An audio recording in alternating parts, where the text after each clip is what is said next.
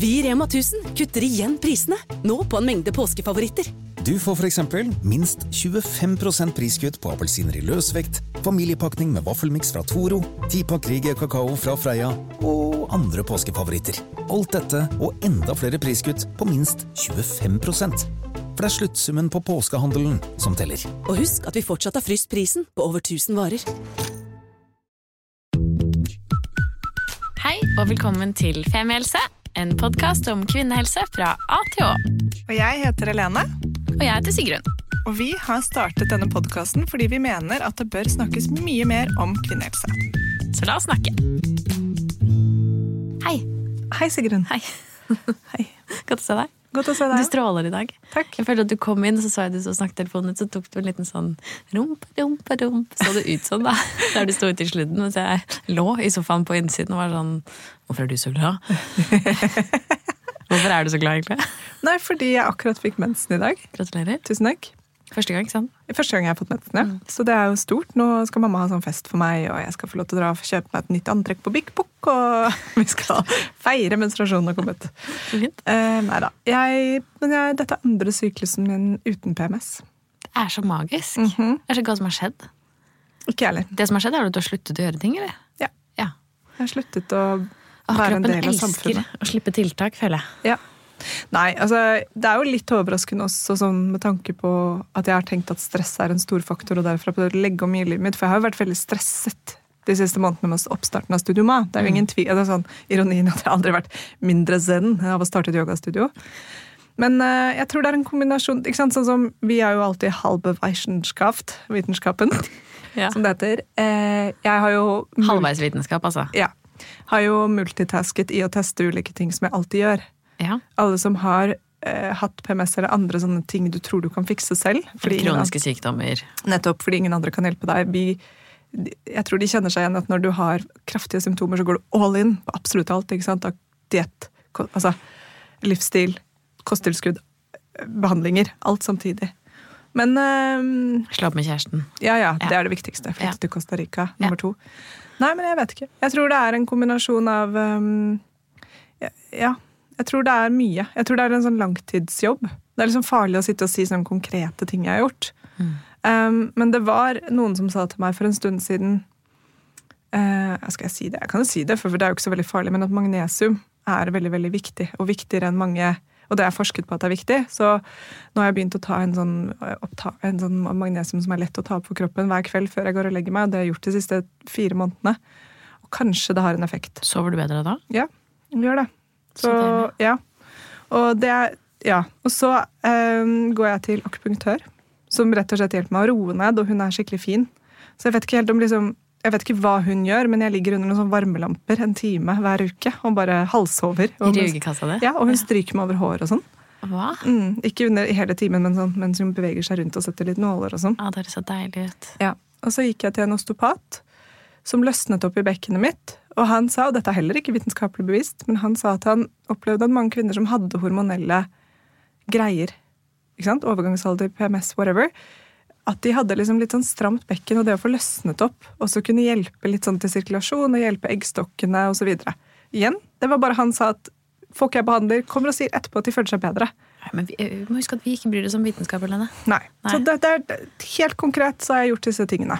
Det er så deilig. Ja. Så hvis noe av dette resonnerer med deg, så er dette ikke liksom de mest inngripende, dyreste tingene du kan gjøre. Men uh, finn en osteopat som kan kvinnehelse, og finn en akupunktør som du liker, og som du tror på. Ja, det er så deilig. Og så magnesium. Og så selvfølgelig pass på deg selv og gi deg selv masse creds for at du prøver. Kan jeg gi et lite tips før vi begynner episoden nå? Ja. For jeg, Du driver jo Studio Ma. Ja. Jeg er veldig fan av det, altså. men jeg var på Studio C forrige uke. Og for uh. alle dere som bor i Oslo, Ja. hvis dere trenger en livsklem, dra dit. Mm. Jeg tok altså en sånn signaturbehandling. Jeg trengte litt uh, forkjælelse, som man sier på dansk. Hva sier man på norsk? Ikke så mange ord i dag. Ja. Men jeg trengte ja, bare å gjøre noe godt for meg selv. Og det var 90 minutter med det her liksom holistisk hudpleie, ansiktsmassasje, eh, skulder, nakke, armmassasje. Du ligger på infrarøde stener, og de har dyne.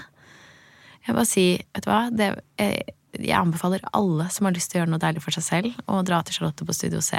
Og det er eh, ingen reklame i det hele tatt. Det var bare Jeg bare gikk ut derfra som et mykere menneske. Ja. Ja. Henger meg på den. Og dette vil jeg bare si Charlotte på studio C. Nå snakker du til en kvinne som egentlig altså, Du liker jo egentlig ikke så godt massasje engang.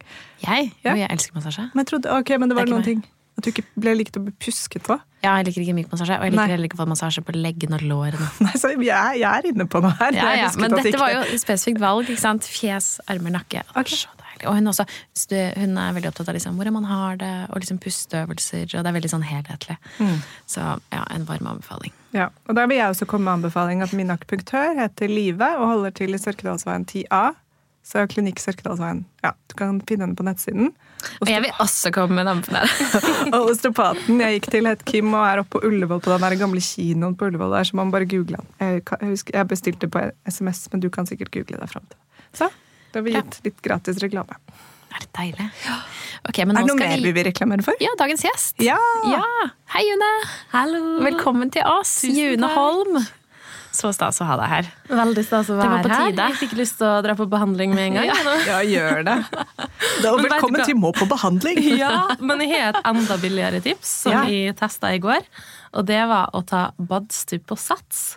Oi! Jeg var ikke klar over at det var så mange bads, eller flere satssenter som har badstue. Ja. Men det er jo skikkelig sånn bra terapi, og du føler at du sover mye bedre den natta. Og ja, jeg dro den litt langt, da, så jeg holdt på å besvime fordi at jeg skulle være minst 15 minutter i garderob, eller i badstua. Ja.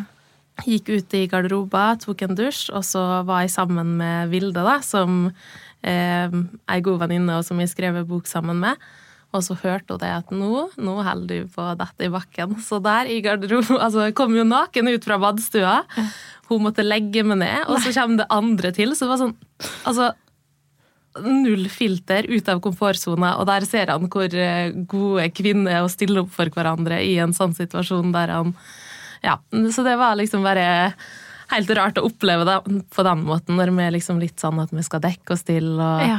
Ja. Og da ligger man sånn naken og svetter og bare er sånn Man drar av seg håndkleet og liksom får luft overalt. Og, Ja, det var en rar surrealistisk situasjon, men jeg så i hvert fall veldig godt i natt. ja. Ja. Badstue, enig. Sigrun er også glad i badstuer. ja, veldig. Og, og litt sånn iskaldt bad i fjorden. Det er sesongen for det nå fremover. Ja. Ja, Det er bra det. for nervesystemet. Ja, men jeg må si jeg har også hatt en sånn vond badstueopplevelse da jeg var gravid. For da klarte ikke kroppen å øh, Da har den jo litt problemer med temperaturregulering. Jeg temperaturregulering. trodde at den ikke skulle gå i badstue der. Nei, ja, man kan jo Jeg tror man kan gjøre det litt. Jeg gjorde det i hvert fall. Jeg har, finske, jeg har finske aner, så Ja. jeg tenker at øh, kroppen er bygd for det. Men øhm, det, jeg ble veldig varm veldig lenge. Ganske dårlig etterpå. Så det er sikkert noe i at man ikke burde gjøre det. Ja, nei, Så er det jo noe med hydrering eller sånn bla, bla ting. Men jeg, jeg var på The Well en gang med en veldig høygravid venninne. Og da sa de der at du må ta kortere badstur, Ikke sitte like lenge som alle andre. Og så kan du legge sånn et vått håndkle eller sånn persmal, sånn, sånn badstuehåndkle på magen, så du holder den litt sånn isolert, litt kjøligere. Så det er, jeg har prøvd å google meg fram til dette, fordi jeg har hatt mange gravide venninner som har lurt på akkurat det samme. Det er ikke noe, selvfølgelig ikke noe sånn 100% klar forskning på dette heller. Og jeg tror at hvis man får mye I starten tror jeg det det går helt bra. ja. Jeg tror det er, det er litt sånn både og. ikke sant? Man må bare kjenne etter. Men jeg tror jo, som Sigrun sa, at du, du kjenner jo fort at det blir litt mye. Ja. Ja. Det var ikke så deilig Nei, etter hvert. så kanskje Etterpå. Det er liksom nettopp det som gjør at veldig få gravide tar badstue. Det er ikke så digg når man er kjempegravid. Selv om det er alt man har lyst til å bare liksom bli avslappet. Men June, um, vi skal snakke litt om deg og ditt engasjement, og vi tror det er stiftelsen. Kan ikke du begynne med å introdusere deg selv litt? Hvem, hvem er du? Ja, det er så stort spørsmål. Hvor skal vi begynne? Jeg er utdanna tekstforfatter og journalist. Eh, Da jeg var ferdig utdanna tekstforfatter, så hadde jeg jo med meg på en måte min historie, da. At jeg hadde opplevd eh, overgrep. Så jeg, jeg begynner på det, da, siden jeg er her for å fortelle om det nå. Eh, og da ønska jeg jo faktisk Jeg så det at det å skrive kunne være terapeutisk for meg. Så derfor følte jeg at det å studere tekstforfatter kan være en fin måte å kanskje klare å komme seg gjennom et studie, da, når jeg har en del eh, etterreaksjoner og ja, ting som jeg fortsatt trengte å bearbeide på den tida. Og så fikk jeg jo med fast jobb etter at jeg var ferdig å studere, jobba som eh, markedsansvarlig og sånn, og så kjente jeg hele veien at hva kan jeg gjøre eh, for å på en måte skape en større forskjell da, med historien min? Og jeg følte jo det at det var veldig sånn I noen perioder så var det det siste jeg ønska, var å, å, snakke om det eller føle på det eller gå inn i det der. Men så kom det til et punkt der jeg følte at nå, nå er jeg klar. Og i den perioden så var det jo ganske mange demonstrasjoner rundt om i landet etter Hemsedal-saken. Så da var det første gangen jeg offentlig sto fram og holdt en tale da, på Eidsvoll plass der og delte min historie. Eh, og det opplevdes bare som ja, Det var veldig sterkt, men det var så flott å se det folkehavet og faktisk bare få støtte, da. Mm. Um, og den støtta følte jeg at alle som var der, opplevde. Um, og da tok han jo det her videre, og det var jo mange plakater uh, rundt om der det sto nettopp 'Jeg tror deg' eller 'Vi tror deg'.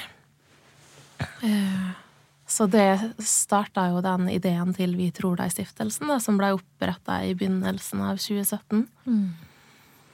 Og det starta jo Det har vært et frivillig arbeid fortsatt da, i mange år nå. Eh, bortsett fra to prosjektperioder der jeg jobba med podkast om voldtekt.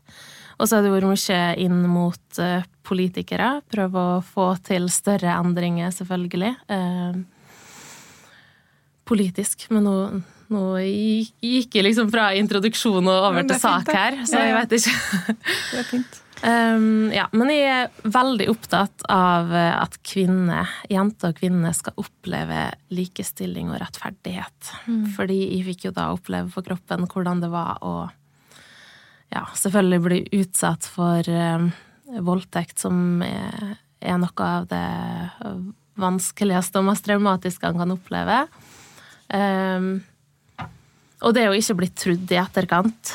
Men i retten så ble jeg trudd, vel å merke, til slutt. Men jeg har jo eh, opplevd flere overgrep, og, og, den ene saken eh, endte med at jeg ble trudd, og jeg så hvor mye det hadde av betydning for meg, og jeg ønsker jo selvfølgelig at eh, alle andre kvinner i samme situasjon skal oppleve at de blir trudd og sett og hørt i etterkant. Mm. Ja, det er så sterkt det bildet også du tegner av å stå foran den folkemengden og fortelle noe som er så utrolig sårbart, og hvor viktig den reaksjonen og de skiltene må ha vært, da. Mm. Som er jo bare ja, et utrolig på en måte sterkt bilde for hvorfor vi tror deg er så viktig. Mm. Men nå har vi jo nevnt Vi tror er ganske mange ganger. Kan du fortelle hva det er for noe? Vi tror deg-stiftelsen er en stiftelse til utsatte for voldtekt, seksuelle overgrep og voldshendelser, så ønsker jo da å vise støtte på ulike måter og gjennom ulike prosjekt til alle som er utsatt. Og altfor mange blir jo dessverre ikke trudd. Altså én av fem kvinner oppgir at de er utsatt for voldtekt. Men vi vet jo at 80% av voldtektsanmeldelsene i Oslo ender med henleggelse.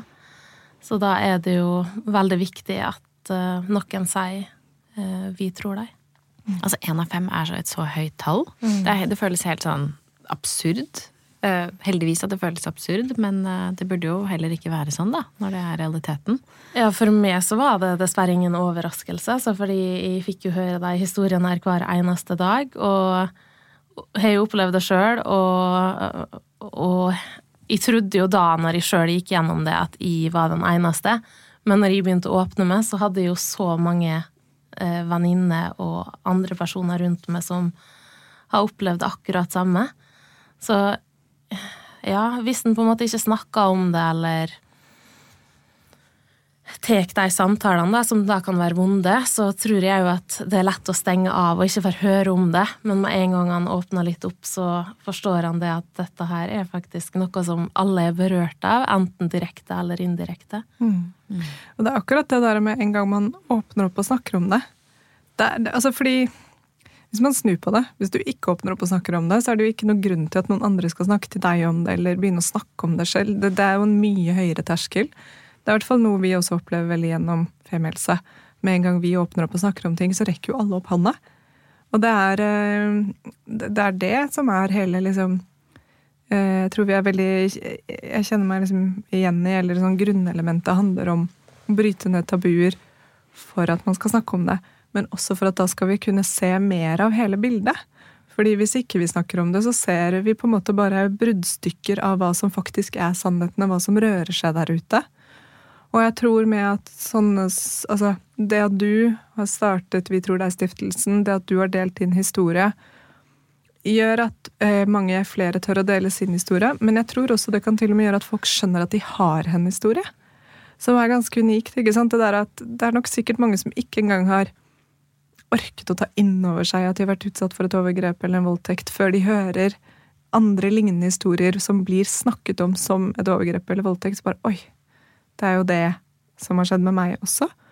Så det er kjempeviktig, og så fantastisk fint at um, du orker å gjøre det. Og du vant jo også akkurat Plans jentepris, og gratulerer så mye med det.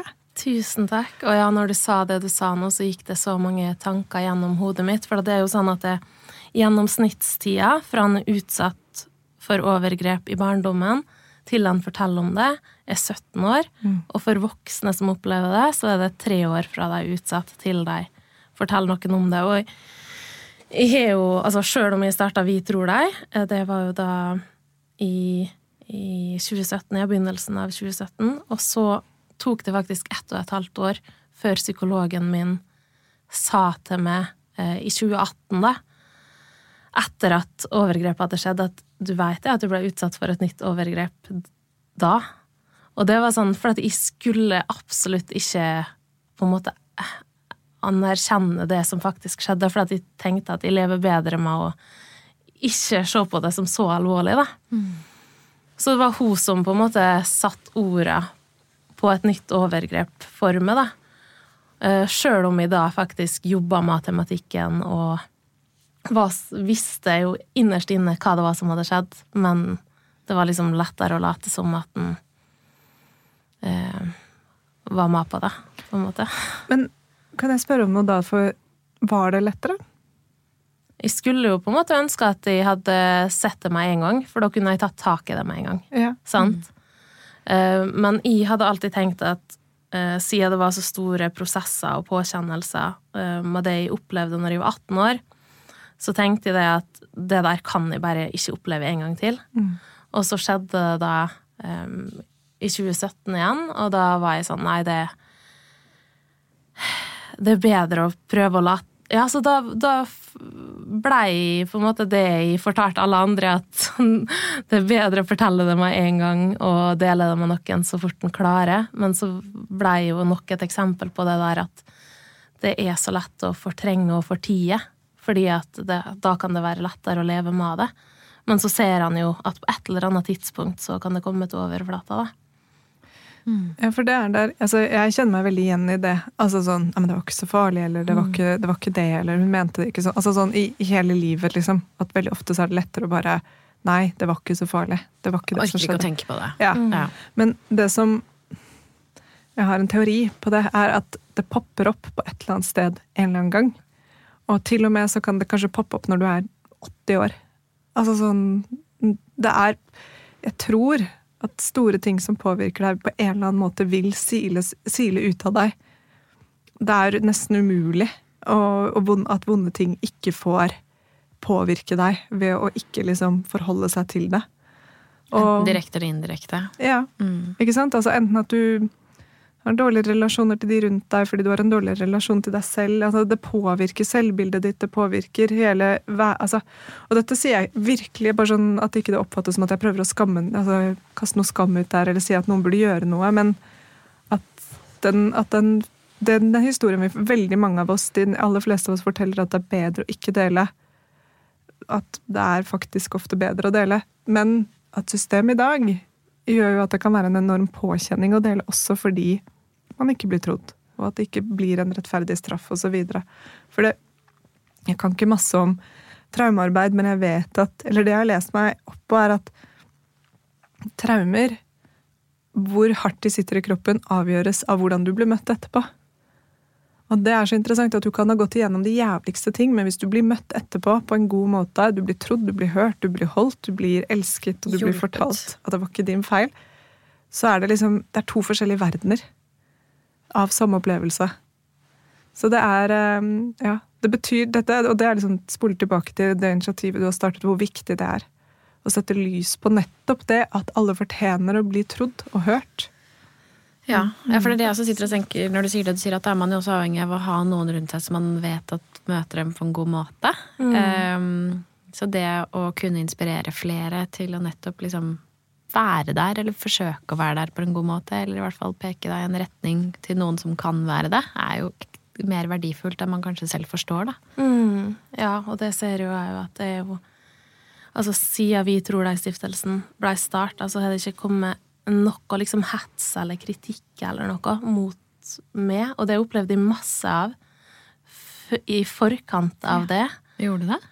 Ja, da skrev jeg jo Altså, første gangen jeg delte historia mi, var jo da på eh, bloggen min, som jeg hadde på den tida. Eh, og da følte jeg at eh, jeg hadde behov for å stå opp for meg sjøl, fordi at det gikk så mye rykte. Mm. Og så blei det òg tatt bilder da under det overgrepet, så jeg følte at det var på en måte Jeg var så lei av at folk snakka bak ryggen min, og ingen spurte meg direkte 'hvordan har du det', eller 'hvordan går det'? Så jeg følte meg for å egentlig bare fortelle min side av saken da, i det innlegget. Og da kom det så mye anonyme drittkommentarer, og fikk høre veldig mye sånn rykte gjennom andre og merka at eh, ja, det var ikke så mange venner igjen plutselig, fordi at mange tenkte at han som hadde begått overgrepet, ikke kunne ha gjort det. Eh, så jeg fikk jo oppleve det i veldig stor grad i før det blei en dom i saken. Eh, men heldigvis, etter at Vi tror de ble starta, så opplevde jo at folk skjønte at dette er noe som er større enn hans egen historie. Da. Mm. At det er så mange som trenger å høre Vi tror deg. Og så tror jeg jo sånn at um, På grunn av at vi ikke har en samtykkelov enda, så er det mange som sitter med vonde opplevelser som de ikke føler at de kan dele fordi at det ifølge straffeloven ikke er straffbart. Ja. At de sier nei gjentatte ganger, og så opplever de det som et overgrep, men så blir det ikke Blir det likevel ikke behandla som et overgrep i samfunnet, da. Og det er jo noe da som Altså, jeg tror alle, altså de aller fleste vil forbinde meg, seg med at de er imot vold og overgrep. Men så skjer det jo likevel der ute i samfunnet. Mm. Mm. Føler du at på en måte Jeg føler at dette er jo litt som da psykologen din fortalte deg at du hadde vært utsatt for et overgrep. At eh, vi har litt lett for å bortforklare og unnskylde og kanskje selv har problemer med å definere hva et overgrep er. At vi har liksom Ja. Også kanskje fordi vi snakker litt lite om det. Ja, det tror jeg absolutt, og det er så mange ganger uh, andre ønsker å spørre med, eller bare dele historien sin. Og sånn forrige uke så var det ei eldre kvinne som spurte meg om er det normalt at en 40 år etter skjønner at en er blitt utsatt for et overgrep. Og det er jo så mange eksempel på akkurat de historiene der, da. At en skjønner det etter veldig, veldig lang tid fordi at en har For min del er jo for eksempel det lett å gå inn i meg sjøl og ikke utlevere noen andre, men at jeg gikk veldig inn i meg sjøl. Hva kunne jeg gjort annerledes? Mm. Hva var det jeg gjorde i forkant av den hendelsen som på en måte bygde opp til at det blei sånn som det blei? Og så er jo dette her helt feil, for ansvaret ligger jo aldri på den som er utsatt. Det ligger jo alltid på den som begår overgrepet.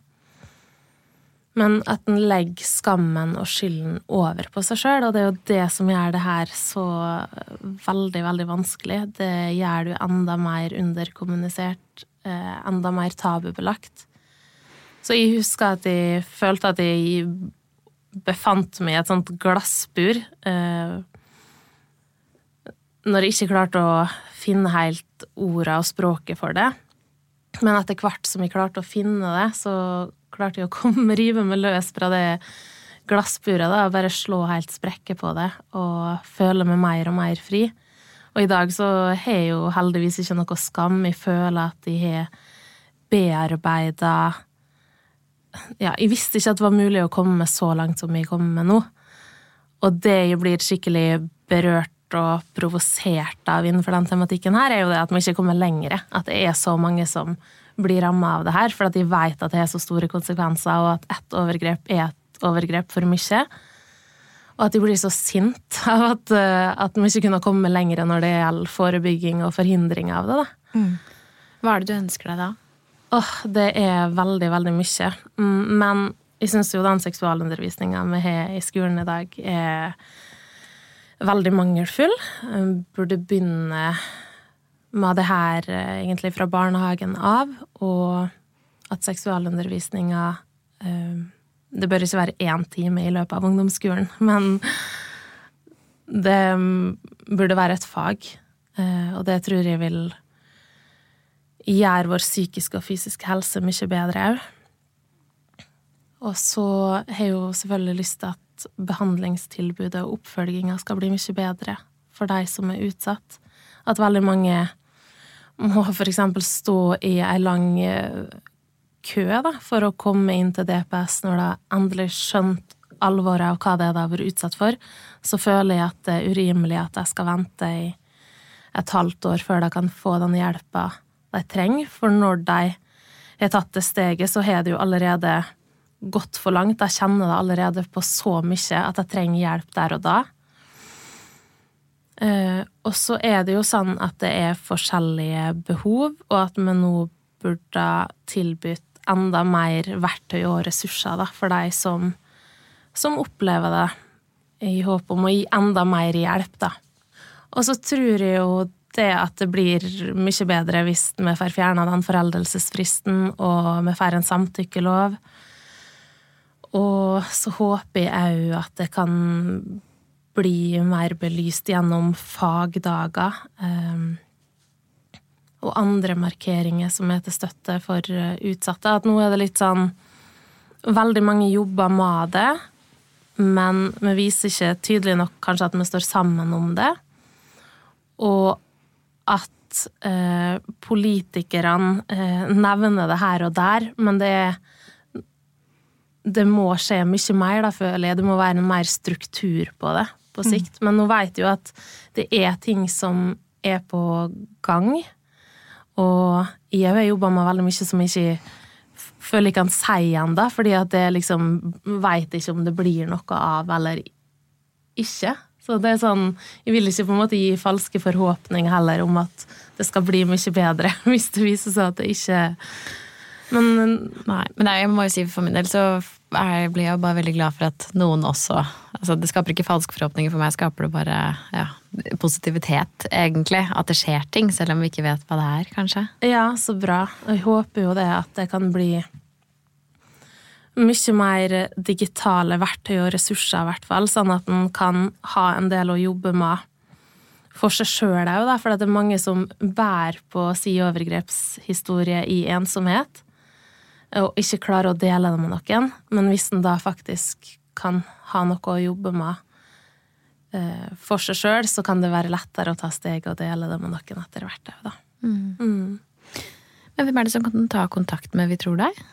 Det kan alle gjøre som ønsker det. Og så er det jo sånn at eh, det er jo ikke et behandlingstilbud. Jeg er ingen fagperson, og, og og så finnes det jo heldigvis Dixie ressurssenter og NOK-senter som er, er, der for utsatte. Men absolutt alle som ønsker å ta kontakt, er hjertelig velkommen til å gjøre det. Og det har jo vært helt enormt med henvendelser. Og eh, jeg har hatt flere som har hjulpet til å besvare. Eh, og har veldig mange gode støttepersoner i ryggen som ikke har vært et ansikt utad. da. Og det er jo liksom all forstå, forståelse og respekt til deg som kanskje er jobber som gjør at jeg ikke tillater det. Eksempel Kari, som jeg jobber veldig, veldig tett med i en god stund nå. Hun, hun jobber i Justis- og beredskapsdepartementet, så hun kan ikke være et ansikt utad lenger. På grunn av at det blir en interessekonflikt, men hun har gjort veldig, veldig mye viktig med foreldelsesfristen. Mm gjennom Vi tror deg tidligere. Og så Nå har jo det samme engasjementet, men kan ikke være med på Vi tror deg lenger, da. Og det er jo så mange fantastiske folk som har et engasjement rundt det her og gjør en, Ja, det er så viktig å få fram at alt kan gjøre en forskjell, da. Og jeg har jo gått i mange, mange år og tenkt at jeg gjør aldri en forskjell nok. Men så får han jo historier som viser det at det faktisk bidrar til å redde liv, da. Og da skjønner han jo det at uh, det hjelper mange flere enn han tror og kanskje skjønner. Ja, virkelig. Og det er jo det er disse strukturene som også må settes liksom lys på, da, ikke sant? Dette som du nevner med seksualundervisning. Hvis ingen snakker om at den ikke funker, og hvis ingen setter lys på hvordan den skulle vært, så blir det jo heller ikke gjort noe. Så det er liksom Politikerne, ja, de er på Stortinget, og de, det er mye svada, det er mye surr, og det er mange brutte løfter, men mange av de har jo, eller de aller fleste har jo veldig gode intensjoner og et ønske om å gjøre noe som gjør Norge til et bedre land å bo i. Så plutselig så er det liksom, setter man en kommisjon, og så blir det laget et nytt forslag, og så går de gjennom, og så bare Oi! Da har vi en ny seksualundervisning på trappene. Mm. Og spesielt når det jobbes med det fra mange ulike hold. ikke sant? Sex og samfunn og sex og politikk og, og mange ulike organisasjoner som, eh, som pusher mot samme sak. Så det nytter, selv om det tar lang tid, da. Og selv om man bare føler at det ikke skjer noe i det hele tatt, så er det liksom Ja. Og det er sånn, det er sånn små ting som kan um, faktisk flytte fjell da, etter hvert. Og jeg tenker sånn Rent strukturelt i samfunnet så vil jeg jo tro at hele Altså, verden ville vært så mye bedre sted hvis, hvis også overgripere, som dessverre som regel er menn, ikke, altså som skjønte at nå utfører jeg et overgrep Um, det har jeg altså sånn, Å lære av det vil jeg jo ikke gjøre, selvfølgelig. Og ha, jeg kommer fra et sted hvor det ikke føles ut som et som noe som er greit å gjennomføre. Og da må man jo begynne, som du sier, i barnehagen allerede. ikke sant? Og, og sette de standardene og snakke om og kon få kontakt med følelser og liksom connecte det seksuelle til å forstå konsekvensene av handlingene sine. Mm. Og det, ja. ja. Veldig bra sagt. Og jeg har faktisk maila en del med en anonym overgriper da, som har tatt kontakt med meg fordi han er slitt så gale med overgrepet han har begått. da. Og hatt så mye skyldfølelse og hatt det vondt med det. Og det er jo helt forferdelig at han Han skulle jo da ønske at han hadde lært mye mer om grensesetting og sånn tidligere, i håp om at han kunne ha unngått det overgrepet som skjedde, da. Mm. Og nå er jo ikke dette liksom Jeg mener ikke at vi skal virkelig putte masse energi på at, øh, overgreperne, men Samtidig, det er jo heller ikke så mange rom for å rekke opp hånden og si jeg har gjennomført et overgrep og syns at hva, hva, gjør jeg nå, eller sånn. Det er jo ikke noe plass til noe av denne samtalen. ikke sant? Det er ikke noe sånn oi, har du det, eller har du disse problemene? Da kan du gå til denne psykologen, og dette er noe Altså, det, det fins ikke noe struktur for det. Noe som helst sted som verken tar vare på de som blir utsatt for overgrepet, eller kan Jeg vil ikke bruke ordet hjelpe engang, men eller liksom på en måte veilede, guide, straffe. Men mm. altså hele pakka den fins jo ikke for de som utfører overgrepene heller. Det kommer noe som heter 'Det finnes hjelp'. Ja. Som er der for uh, de som ønsker å begå seksuelle overgrep mot barn. Ja, den har jeg sett. Mm. Ja. Og det er jo fantastisk. Men det er jo veldig nytt, og mange som trenger det som mm. Og smalt, da, sånn sett. Ja, ja. veldig. Så ja, det jo, men det er jo selvfølgelig fremskritt, alt sånn. Men jeg er helt enig i det med at det må bli tydeligere strukturer. og Sånn som jeg og jeg vet mange andre har tenkt, er at de syns det er så stort steg å oppsøke hjelpa òg i etterkant av at de har fått en del behandling. Mm. Fordi at de tenkte at nå var jeg ferdig med den behandlinga, nå skulle jeg være ferdig for godt. Mm. Og så går det noen år, og så kommer en del etterreaksjoner tilbake, eller at de er blitt retraumatisert, eller og da er det så stort steg å føle at de må starte på scratch igjen, da. Og da tror jeg at det har vært forebyggende hvis en kunne blitt tilbudt egentlig en samtale eh, årlig, da.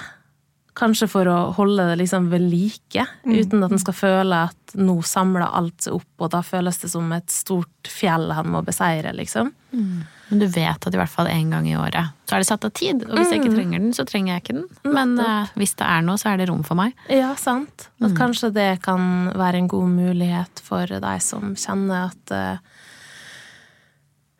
Ja, det har vært godt å, å snakke mer om det de bærer rundt på, da, og prøver å skjule Ja. Ja, det, altså, det, det skulle jo egentlig bare mangle når vi vet liksom hva det koster samfunnet også. At så mange går rundt og bærer på dette. og Det er bare helt sånn. Ja, Men, eh, men det, er, eh, det er derfor det er liksom for deg som hører på, som også tenker sånn åh, hva kan jeg gjøre? Så er det å følge Vi tror deg og eh, bidra til de organisasjonene som man kan samle penger til osv. Det er alle disse småtingene, men det er også å være eh, hvis man kjenner noen som har blitt utsatt for et overgrep, så tror jeg det er veldig fint det du sier med at det er ikke sånn at det kanskje går over. Det kan komme opp igjen. Og at man er der og lytter og Fortsett å tro, liksom. Ja, fortsett å tro. Mm. Uh, mm. Og så tror jeg det er veldig viktig å være forberedt på at etter en graviditet og fødsel og barseltida, så er det mange som ser det at en del kommer tilbake som de trodde de hadde fått bearbeida. Ja. Hvis jeg kan komme med bare et sånt helt konkret tips hvis man er gravid og har vært utsatt for et overgrep, er å ha et fødebrev. Hvor man er veldig tydelig på at jeg ønsker f.eks. ikke vaginalundersøkelser. Jeg ønsker ikke studenter i rommet. Jeg har blitt utsatt for et overgrep, så dere må være tydelige med meg på alt som skjer, og hvorfor det skjer.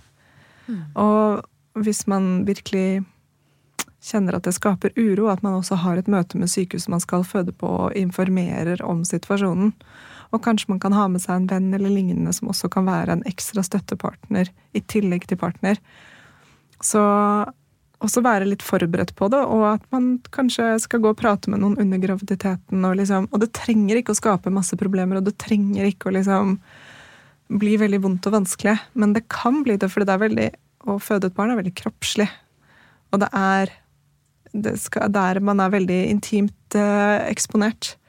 Så det er veldig fint at du Jeg var litt sånn usikker på om jeg skulle nevne det eller ikke, men jeg er veldig glad for at du gjorde det, for jeg tror akkurat det med fødebrev kan være en mm, litt sånt eh, ok virkemiddel til en veldig, kan, som kan være litt sånn komplisert, da.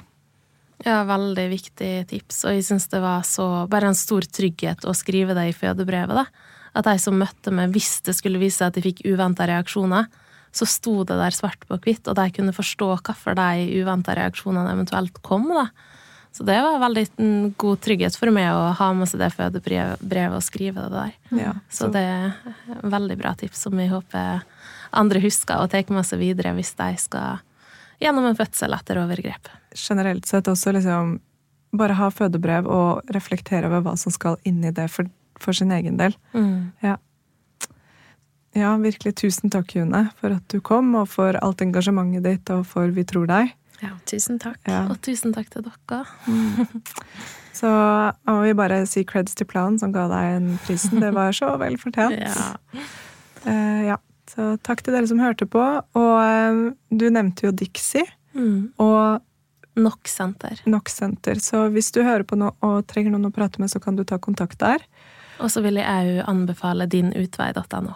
Dinutvei.no. Ja.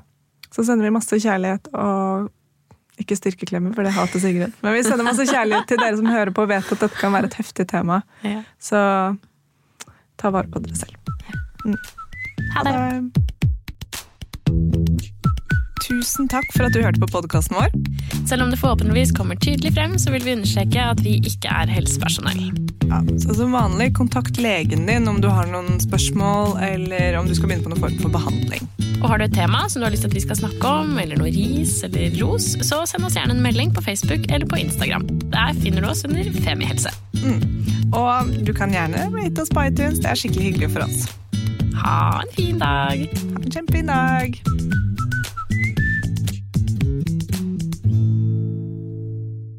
Velkommen til Kjemperådet! Ohoi! Vi har fått inn et kjempekleint problem fra Trine Lure 22. Ok. Jeg leser De to andre i kollektivet mitt har begynt å date, og jeg syns det er veldig kleint når vi skal se på TV sammen, og de bare skal kline. Ok, ja, Hvordan skal hun løse dette? Siden Trine Lure er under 30, får hun jo ubegrenset data fra Telenor fra 399 kroner. Da Da kan hun sette seg på sitt eget rom, streame så mye hun vil på mobilen. Ja, hun kan jo se på nye mobilabonnement på telenor.no. Ja, det er lurt.